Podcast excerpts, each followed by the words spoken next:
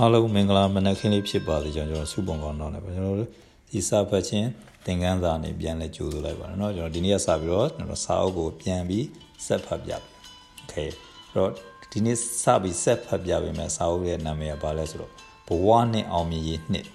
ဘဝကိုမဟာဗျူဟာမြောက်စီမံခန့်ခွဲခြင်းဒီစာအုပ်ထဲမှာကျွန်တော်တို့ကအသုံးဝင်တဲ့လက်တွေ့သုံးချလို့ရမှာတယ်အများကြီးပါအဲ့တော့ကျွန်တော်တိချာနားထောင်ပြီးတော့ကျွန်တော်မလုပ်မလဲဆိုရင် လှုပ်တင်တာလေးတွေလှုပ်เสียရှာတွေကျွန်တော်ပြင်ပြီးတဖြည်းဖြည်းဆက်လှုပ်သွားဖို့လိုတာโอเคအဲ့တော့ဒီစာအုပ်ထဲမှာကျွန်တော်ပထမဆုံးခန်းကန်တာပါလဲဆိုတော့မဟာဗျူဟာမိတ်ဆက်ကျွန်တော်မဟာဗျူဟာဘဝကိုမဟာဗျူဟာမောက်စီမံခန့်ခွဲခြင်းဆိုတော့မဟာဗျူဟာဆိုတော့ဘာလဲမဟာဗျူဟာရဲ့အတိတ်ပဲကျွန်တော်သိထားဖို့လိုတယ်နှစ်ပေါင်းထောင်ချီပြီးတော့စစ်ပွဲတွေအောင်နိုင်ရေးအတွက် အသုံးချခဲ့တဲ့မဟာဗျူဟာအတတ်ပညာကိုယခုအခါမှာတော့စီးပွားရေးနဲ့နိုင်ငံရေးနယ်ပယ်တွေမှာပါတွင်ကျဲစွာသုံးဆွဲလာကြပြီဖြစ်ပါတယ်။လွန်ခဲ့တဲ့ဆယ်စုနှစ်အတွင်းမှာတော့နိုင်ငံရေးစီးပွားရေးစစ်ရေးနယ်ပယ်တွေမှာသာမက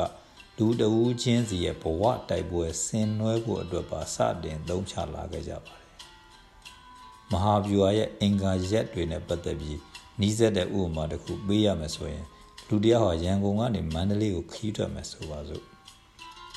မန္တလေးမြို့ဟာသူ့ရဲ့ရည်မှန်းချက်ပန်းတာခီးသွားတဲ့အကြောင်းရင်ဥမာအပျော်ခီးလာမိသားစုခီးတွက်လာစသဖြင့်ကတော့ရည်ရွယ်ချက်မိရှင်ဖြစ်ပါတယ်လန်ကီမှာဘေးကင်းရမယ်စရိတ်ကျင်းချင်းနဲ့တွားရမယ်စသည်အပြင်မိမိရဲ့ဦးစားပေးပြဋ္ဌာန်းချက်တွေကိုတော့မူဝါဒလို့ခေါ် ဘယ်လမ်းကြောင်းနဲ့ရောက်အောင်သွားမလဲကုန်းလန်းနဲ့လားလေကြောင်းနဲ့လားစသဖြင့်ရွေးချယ်မှုတွေကတော့ဖြူဟာပဲဖြစ်ပါတယ်စသဖြင့်ရည်မှန်းချက်ပန်းတိုင် goal လို့ရည်ရွယ်ချက် mission မူဝါဒ policy နဲ့ view ဟာ strategy တို့ရဲ့အနည်းဆက်ဆုံးအတိတ်ပဲကိုဖော်ဆောင်နိုင်ပါတယ်ဒီကကျွန်တော်တို့ပန်းတိုင်ဘဝမှာကျွန်တော်ဘာရှိရမလဲပန်းတိုင်ရှိရမယ်နောက်တစ်ခါ mission လို့ခေါ်တဲ့ရည်ရွယ်ချက်ရှိရမယ်နောက်တစ်ခါမူဝါဒ policy ရှိရ နောက်ကအဲ့လိုအောင်မြင်ဖို့တွေတော့ဘာတွေရှိလဲဆိုတော့ view ဟာတွေရှိရ strategy ဒီမှာဆိုရင်သူကမန္တလေးမြို့ဥပမာပေးတာမန္တလေးမြို့ကိုကျွန်တော်ဒီကနေရန်ကုန်ကနေသွားမယ်ဆိုရင်မန္တလေးမြို့ကကျွန်တော်တို့ရဲ့ပန်းတိုင်ပြီးရင်မန္တလေးမြို့ကိုသွားရတဲ့အကြောင်းရင်းပါလဲမိသားစုကိစ္စအတွက်လားဒါမှမဟုတ်အပျော်ခီးလားဒါမှမဟုတ်တခြားအကြောင်းတစ်ခုကိုအကြောင်းလားစီးပွားရေးကိစ္စနဲ့လားစသဖြင့်အကြောင်းရင်းအဲ့ဒါကိုဘာခေါ်လဲဆိုတော့ mission လို့ခေါ် အကြောင်းရင်းက mission ကိုယ့်ရဲ့ပန်းတိုင်ကရည်မှန်းချက်မန္တလေးမြို့ကကျွန်တော်ကိုယ့်ရဲ့ပန်းတိုင်အဲကိုသွားရခြင်းအကြောင်းရင်းက mission လို့ခေါ်တယ်အဲလန်ခီမှာဘေးကင်းရမယ်ဈေးချင်းနဲ့တော့စသည်အဲ့ဒါတွေကဘာလဲဆိုတော့ဦးစားပေးပြဋ္ဌာန်းချက်အဲ့ဒါမူဝါဒအဲ့သွားဖို့အတွက်ကျွန်တော်ဘာတွေလုပ်ဖို့လို့ဘယ်လိုသွားဘယ်လိုဘာတွေလုပ်ဖို့လို့လဲ ဒါကြောင့်ဦးစားပေးပြဋ္ဌာန်းကြမယ့်အရာတွေကဦးစားပေးလုပ်ရမယ့်အရာတွေကကျွန်တော်မူဝါဒလို့ခေါ်တော့ဘယ်လမ်းကြောင်းနဲ့သွားမလဲအဲဒါပြင်ရွေးချယ်မှုကကျွန်တော် view ဟာလို့ခေါ်အဲ့တော့ကျွန်တော်ပန်းနိုင်တစ်ခုရှိတယ်အဲပန်းနိုင်ကိုဘယ်လိုဘာကြောင့်သွားကြတာပြီးရင်အဲ့သွားဖို့အတွက်ဘယ်လို view ဟာတွေနဲ့ဘယ်လိုမူဝါဒတွေနဲ့သွားမှာလဲပြီးရင်ဘယ်လို view ဟာတွေချမှတ်ပြီးသွားမှာလဲဒါသဖြင့်အဲ့ဒါတွေကကျွန်တော်တို့ဘဝရဲ့မဟာ view ဟာလို့ခေါ် ကဲဒါဒီပထမဆုံးစာမျက်ဒီစာအုပ်ထဲမှာနောက်ဆက်ဖတ်ပြမယ်ဖတ်ရမယ်အကြောင်းအရာမာတိကာမာတိကာလည်းမပါလို့ပါမလဲဆိုအခန်းတက်မှာဘဝကြီးညာစာတန်းအခန်းနှစ်မှာတော့ဘဝကန္တာများနဲ့ viewer လမ်းပြမြေပုံ strategy map အခန်းသုံးမှာမဟာ viewer မြောက်ဘဝစီမံကိန်းရေးဆွဲခြင်းအခန်းလေးမှာအသုံးအများဆုံးသော viewer တွဲလုံးများအခန်း၅မှာတော့မဟာ viewer ကိုအကောင့်ထဲပေါ်ခြင်းနဲ့ အကဲဖြတ်သုံးသပ်ခြင်းအခန်း6မှာဘဝကိုမဟာဗျူဟာမြောက်စီမံခန့်ခွဲခြင်းဒါကျွန်တော်မာတိကအချင်းအဲ့တော့ပထမဆုံးအနေနဲ့အခန်း1ကိုဆက်သွားခြင်းโอเคဒီအခန်း1မှာကျွန်တော်တို့ဘာတွေအာနာဘာတွေကျွန်တော်ဖတ်ရမလဲဆိုတော့ဘဝဤရည်ရွယ်ချက်တာဝန်အောင်မြင်သူတို့ရဲ့ mission ဘဝရည်ရွယ်ချက်ကိုဖော်ဆောင်ဖော်ထုတ်ခြင်းရည်မှန်းချက်ပန်းတိုင် ရည်မှန်းချက်ပန်းတိုင်ချမှတ်ခြင်း theory ရည်မှန်းချက်ပန်းတိုင်ချမှတ်ခြင်းဘဝဤစံတန်ဖိုးနှင့်မူဝါဒမူဝါဒများချမှတ်ပြီးဘဝကိုရှောက်လန်းခဲ့သူဘဝမူဝါဒချမှတ်ခြင်း Bruce Lee ဤဘဘဝကြီးညာစာတန်းဘဝကြီးညာစာတန်းရေးဆွဲခြင်းစတဲ့အကြောင်းအရာတွေကိုကျွန်တော်တို့ဒီအခန်းတစ်မှာစပြီးနားဆင်ရမှာဖတ်စပြီးဖတ်ရမှာ အဲ့တော့ပထမဆုံးအနေနဲ့ပါတယ်ဘဝဤရည်ရွယ်ချက်တာဝန် mission အင်္ဂလိပ်လိုဆိုရင်ကျွန်တော် mission လို့ခေါ်လောကမှာတန်ဖိုးရှိတဲ့လူသားရဲ့လို့ဖြစ်လာပြီဆိုရင်နံပါတ်1မိမိဘဝကိုဘယ်လိုမြင့်တင်မှာလဲနံပါတ်2ကိုယ့်ရဲ့မိသားစုအတိုင်းဝိုင်းအကျိုးစီးပွားကိုဘယ်လိုဖော်ဆောင်မှာလဲနံပါတ်3လောကလူသားတွေရဲ့အကျိုးအတွက်ဘယ်လိုထမ်းရွက်မှာလဲဆိုတော့ဘ ဝပေးတာဝန်ရည်ရွယ်ချက်၃ရက်ကိုပြဋ္ဌာန်းချမှတ်ထားဖို့လိုအပ်ပါတယ်ကျွန်တော်ကိုယ့်ကိုတန်ဖိုးရှိတဲ့လူတွေဖြစ်ချင်တယ်ဆိုရင်ကျွန်တော်ဒီ၃ရက်ကမဖြစ်မနေလုပ်ရမယ်၃ချက်ကိုကိုဘလို့ကိုဘဝကိုကျွန်တော်ဘလို့မြင့်တယ်အောင်လုပ်မယ်ပြင်ကိုမိသားစုကိုပတ်ဝန်းကျင်ဘလို့မြင့်တယ်အောင်လုပ်နောက်ကကိုကျွန်တော်လောကလူသားတွေအတွက်ဘလို့တန်ဖိုးရှိအောင်လုပ်ပေးမလဲစတဲ့ရည်ရွယ်ချက်၃ချက်ပေါ့အဲ့၃ချက်ကိုကျွန်တော်ရှိဖို့လိုတယ် အရင်တော့လူအချင်းချင်းပေါင်းသင်းဆက်ဆံကြအောင်မှာနှစ်ဦးနှစ်ဖက်အကျိုးရှိခြင်း win win situation ဆိုတဲ့ဆောင်းဖို့ဟာခေတ်စားခဲ့ဘူးပါတယ်ယခုခါမှာတော့ win win နဲ့မလုံတော့တော့ပါဘူးဘာကြောင့်လဲဆိုတော့နှစ်ဦးနှစ်ဖက်ဆက်ဆံကြရမှာအပြန်အလှန်အပေးယူလုပ်ပြီးနှစ်ဦးနှစ်ဖက်လုံးအကျိုးရှိသွားကြတာတော့မှန်ပါရဲ့ကြံလူသားတွေရဲ့အကျိုးစီးပွားထိခိုက်သွားမယ်ဆိုရင်တော့ရေရှည်မှာအကျိုးများနိုင်မှာမဟုတ်ပါဘူးဒါကြောင့်ကိုယ့်ရဲ့လှုပ်ရက်တိုင်းဟာ ကိုယ်လည်းအကျိုးရှိရမယ်ကိုယ်နဲ့ပတ်သက်တဲ့လူတွေလည်းအကျိုးရှိရမယ်ပြီးရင်လောကလူသားတွေလည်းအကျိုးများရမယ်ဆိုတော့ win win win situation နဲ့သွားမှသာစစ်မှန်တဲ့အောင်မြင်မှုကိုရရှိမှာဖြစ်ပါတယ်။ဒါကြောင့်ကျွန်တော်တို့တစ်ခုခုလုပ်တော့မယ်ဆိုရင်ကိုယ့်အတွက်ဘာအကျိုးရှိလဲစဉ်းစားဖို့ပြီးရင်ကိုကိုနဲ့ပတ်သက်တဲ့လူတွေဘာတန်ဖို့ဘာအကျိုးရှိမှာပြီးရင်တခြားလူတွေအတွက်ကော ဘာအကျိုးရှိမှာလဲ။ဒါဆိုရင်အဲ့လိုစဉ်းစားပြီးကျွန်တော်တို့လုပ်ဖို့လိုဒါဟာအခုခေတ်စားလာတဲ့ခုမှခေတ်စားလာတဲ့ကျွန်တော် modern ယူဆတော့မဟုတ်ပါဘူး။လွန်ခဲ့တဲ့ကဘာအသင်ချီကလေးကဖះလောင်းတော်ဟာငါလဲဒုက္ခအပေါင်းကလွတ်မြောက်ရမယ်ငါဆွေမျိုးအတိုင်းဝိုင်းတွေလည်းလွတ်မြောက်စေရမယ်ထိုက်တဲ့လောကသားတွေလည်းဒုက္ခအပေါင်းကလွတ်မြောက်စေရမယ်ဆိုတော့ win win win situation ကြီး အာကြီးမြတ်တဲ့ရွေခြင်းနဲ့ဖះဖြစ်အောင်ကြိုးစားဖို့တန်ဋိဌာန်ချခဲ့တာဖြစ်ပါတယ်ဒီ win win win situation ဆိုတော့အခုမှမဟုတ်ဘူးမြတ်စွာဘုရားကိုယ်တော်တိုင်းကျင့်သုံးခဲ့တဲ့ဒါဘာလဲဆိုရင်အာနီးစနစ်တစ်ခု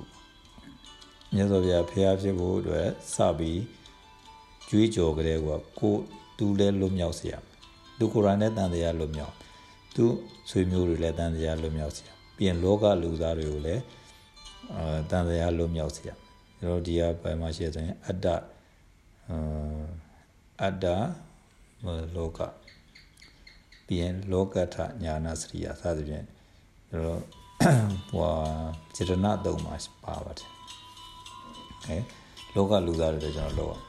ကိုယ်အတွက်ရင်လုပ်မယ်ပြီးရင်သူများအတွက်လုပ်ပြီကိုကိုအတွက်ရင်လုပ်အောင်ပြီးရင်ကိုမိသားစုအတွက်လုပ်ပြီးရင်ကျွန်တော်လူသားတွေအတွက်လုပ်ပြီအဲသုံးဆင့်နဲ့ကျွန်တော်ဆက်သွား ကိုအတွက်လည်းကြိုးရှိရမယ်အတိုင်းဝိုင်းအတွက်လည်းကြိုးရှိရမယ်လောကလူသားတွေအတွက်လည်းကြိုးရှိရအဲသုံးချက်နဲ့ကျွန်တော်ရှင်သန်နေဖို့လိုတယ်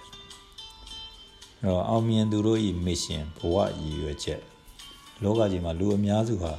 ကိုယ့်မိသားစုအကျိုးအတွက်မျှော်မှန်းချက်နဲ့ရုန်းကန်နေကြပေမဲ့အောင်မြင်သူတွေကတော့ပို့ပြီးတော့မြင်မာတဲ့ရည်ရွယ်ချက်နဲ့လောကအကျိုးတည်ဖို့နေကြပါတယ်။ ကျွန်တော်လူအများစုကများသောဖြင့်ကိုယ့်အတွက်ကိုယ့်မိသားစုအတွက်အလောက်ပဲကြည်ကြတာများတယ်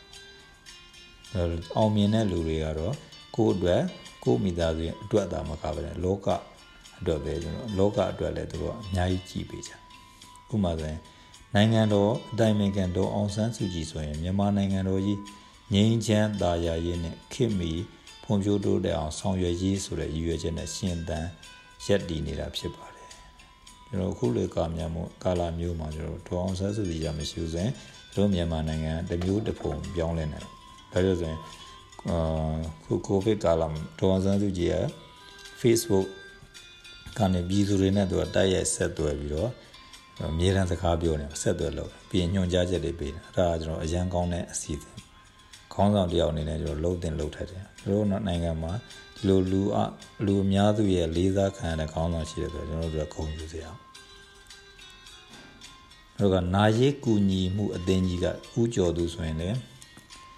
လူအများရဲ့အခက်အခဲတွေကိုကူညီရေးဆိုတဲ့ပရဟိတမစ်ရှင်နဲ့ဆောင်ရွက်နေတာတွေ့ရပါတယ်။လာတို့ပဲမြမအသမိုင်းမှာနိုင်ငံနဲ့လူမျိုးအကျိုးစီးပွား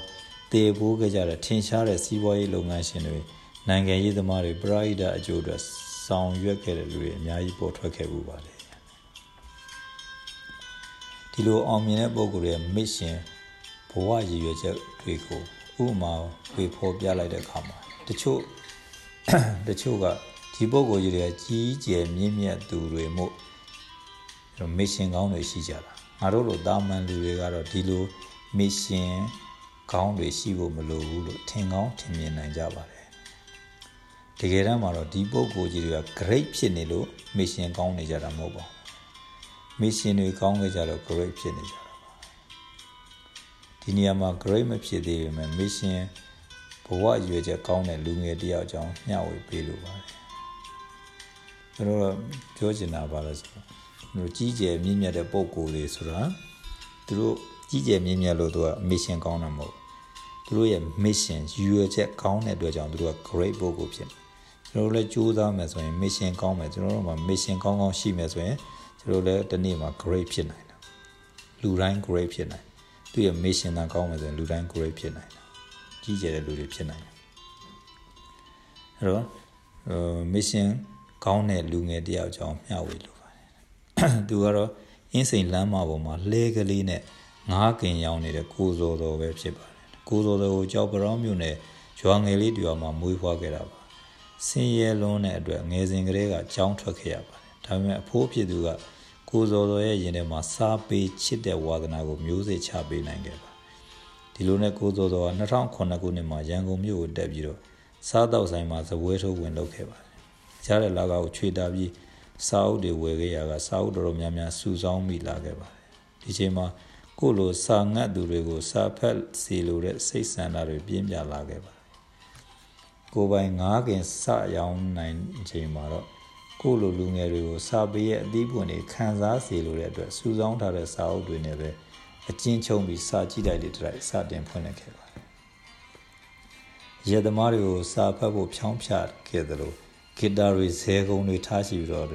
လူငယ်တွေစာကြည့်တိုက်လာခြင်းအောင်ဆွဲဆောင်ခဲ့ပါတယ်။စာကြည့်တိုက်ကိုမလာနဲ့တဲ့မလာနိုင်တဲ့တက်ကြီးရွယ်အိုတွေအတွက် စပိန်လေးနဲ့ပဲအိမ်တန်ရာရောက်စာအုပ်တွေလိုက်ပို့ခဲ့ပါတယ်။ကိုစောကမြန်မာလူမျိုးတွေကိုချစ်လို့စာကြည့်တိုက်တွေဖွင့်တာမြန်မာပြည်တိုးတက်ဖို့သူများတိုင်းပြည်တွေစီမှာအနှိမ်ခံနေရတဲ့ဘဝကနေလွတ်မြောက်ဖို့ရည်ရွယ်ချက်နဲ့စာကြည့်လိုက်တွေဖွင့်ခဲ့တာမြန်မာပြည်ကိုပြုပြင်ဖို့အကောင်းဆုံးနည်းလမ်းကစာပေဆိုတာကျွန်တော်ယုံကြည်တယ်လို့ပြောပြခဲ့ပါတယ်ပြောတဲ့အတိုင်းလဲစာကြည့်လိုက်တွေနေရာများစွာမှာတိုးချက်ဖွင့်လှစ်လာခဲ့နိုင်ခဲ့ပါတယ် ဒီလိုစွမ်းဆောင်မှုတွေကြောင့်တဲ့2016ခုနှစ်ဇူလိုင်လမှာနိုင်ငံတော်အတိုင်းအမြံပုဂ္ဂိုလ်ရဲ့ချီးကျူးဂုဏ်ပြုမှတ်တမ်းမှုကိုမှတ်တမ်းတင်မှုကိုခံခဲ့ရပါတယ်ဒါကျွန်တော်တို့ကိုစောစောဆိုတာကျွန်တော်တော်တော်များများတော့သိကြပါနောက်တစ်ခုကဘဝကြီးရည်ရွယ်ချက်များကိုဖော်ထုတ်ခြင်း လူတိုင်းရဲ့စိတ်ထဲမှာဘဝရဲ့ရည်ရွယ်ချက်ဟာငုံရှိုးပြီးတော့ရှိတတ်ကြသမျှပါဒီလိုငုံရှိုးနေတဲ့ရွယ်ချက်တွေကိုဖော်ထုတ်ဖို့အတွက်စိတ်ပညာရှင်တွေကမေးခွန်းနှစ်ခုမေးလေးရှိပါတယ်ဒီမေးခွန်းနှစ်ခုကရန်ရည်ကြည့်နံပါတ်1မေကွန်တင့်မှာ US ဒေါ်လာတန်းတရာသာပိုင်ဆိုင်ခွင့်ရလာရင်ဘယ်လိုသုံးဆွဲမှာလဲ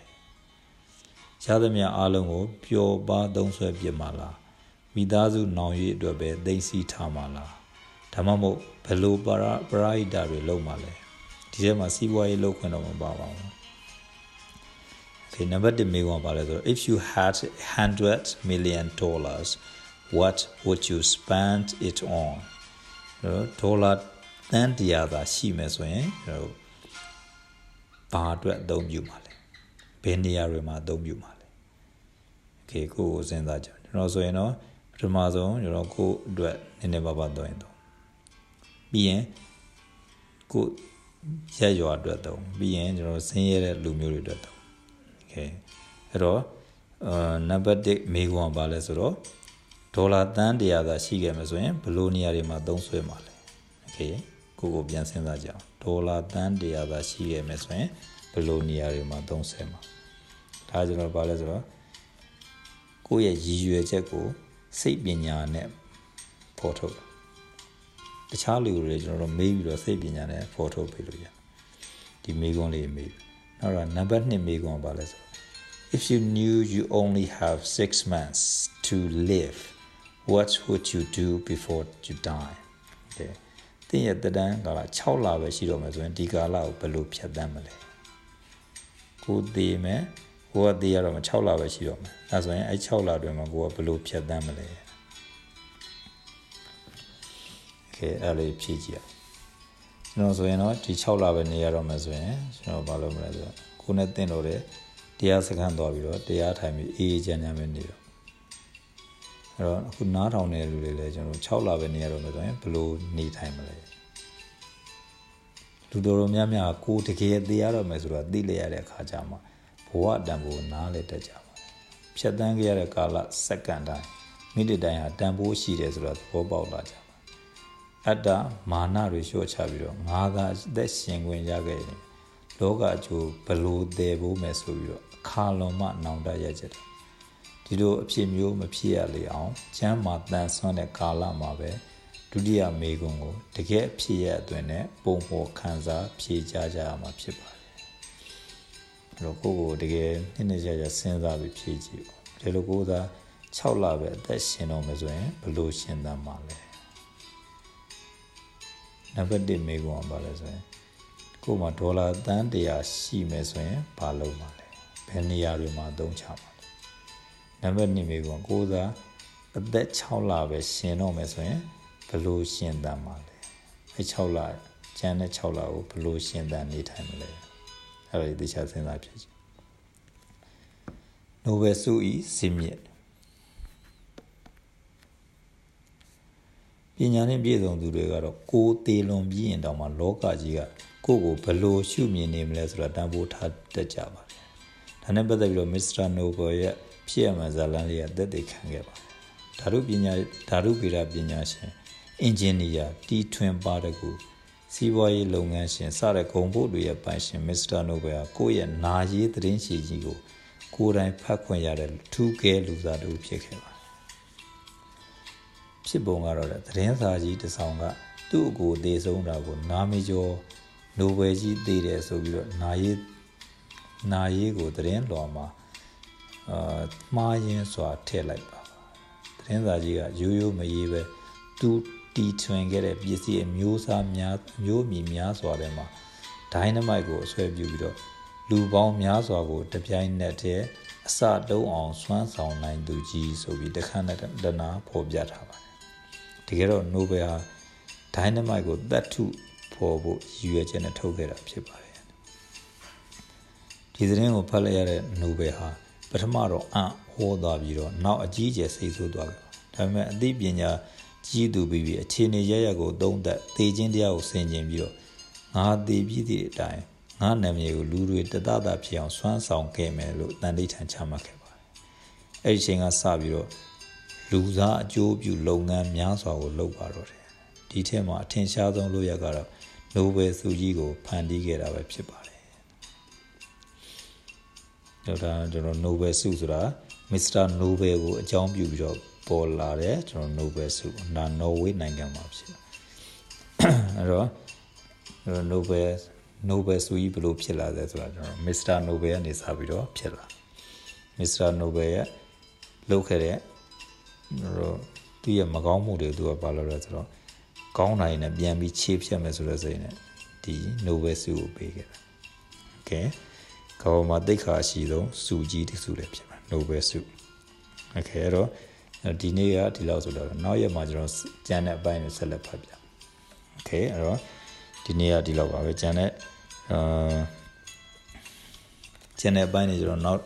နောက်ရက်တွေဆက်လက်ဖတ်ပြပေးမှာဖြစ်လို့အားလုံး စိတ်ချမ်းမှာကိုချမ်းကိုချမ်းသာစွာနဲ့အိမ်မှာတက်တောင့်တက်တာနေနိုင်ကြပါစေလို့ကျွန်တော်ဆုတောင်းရင်းနဲ့ဒီမှာပဲနေခွန်ချော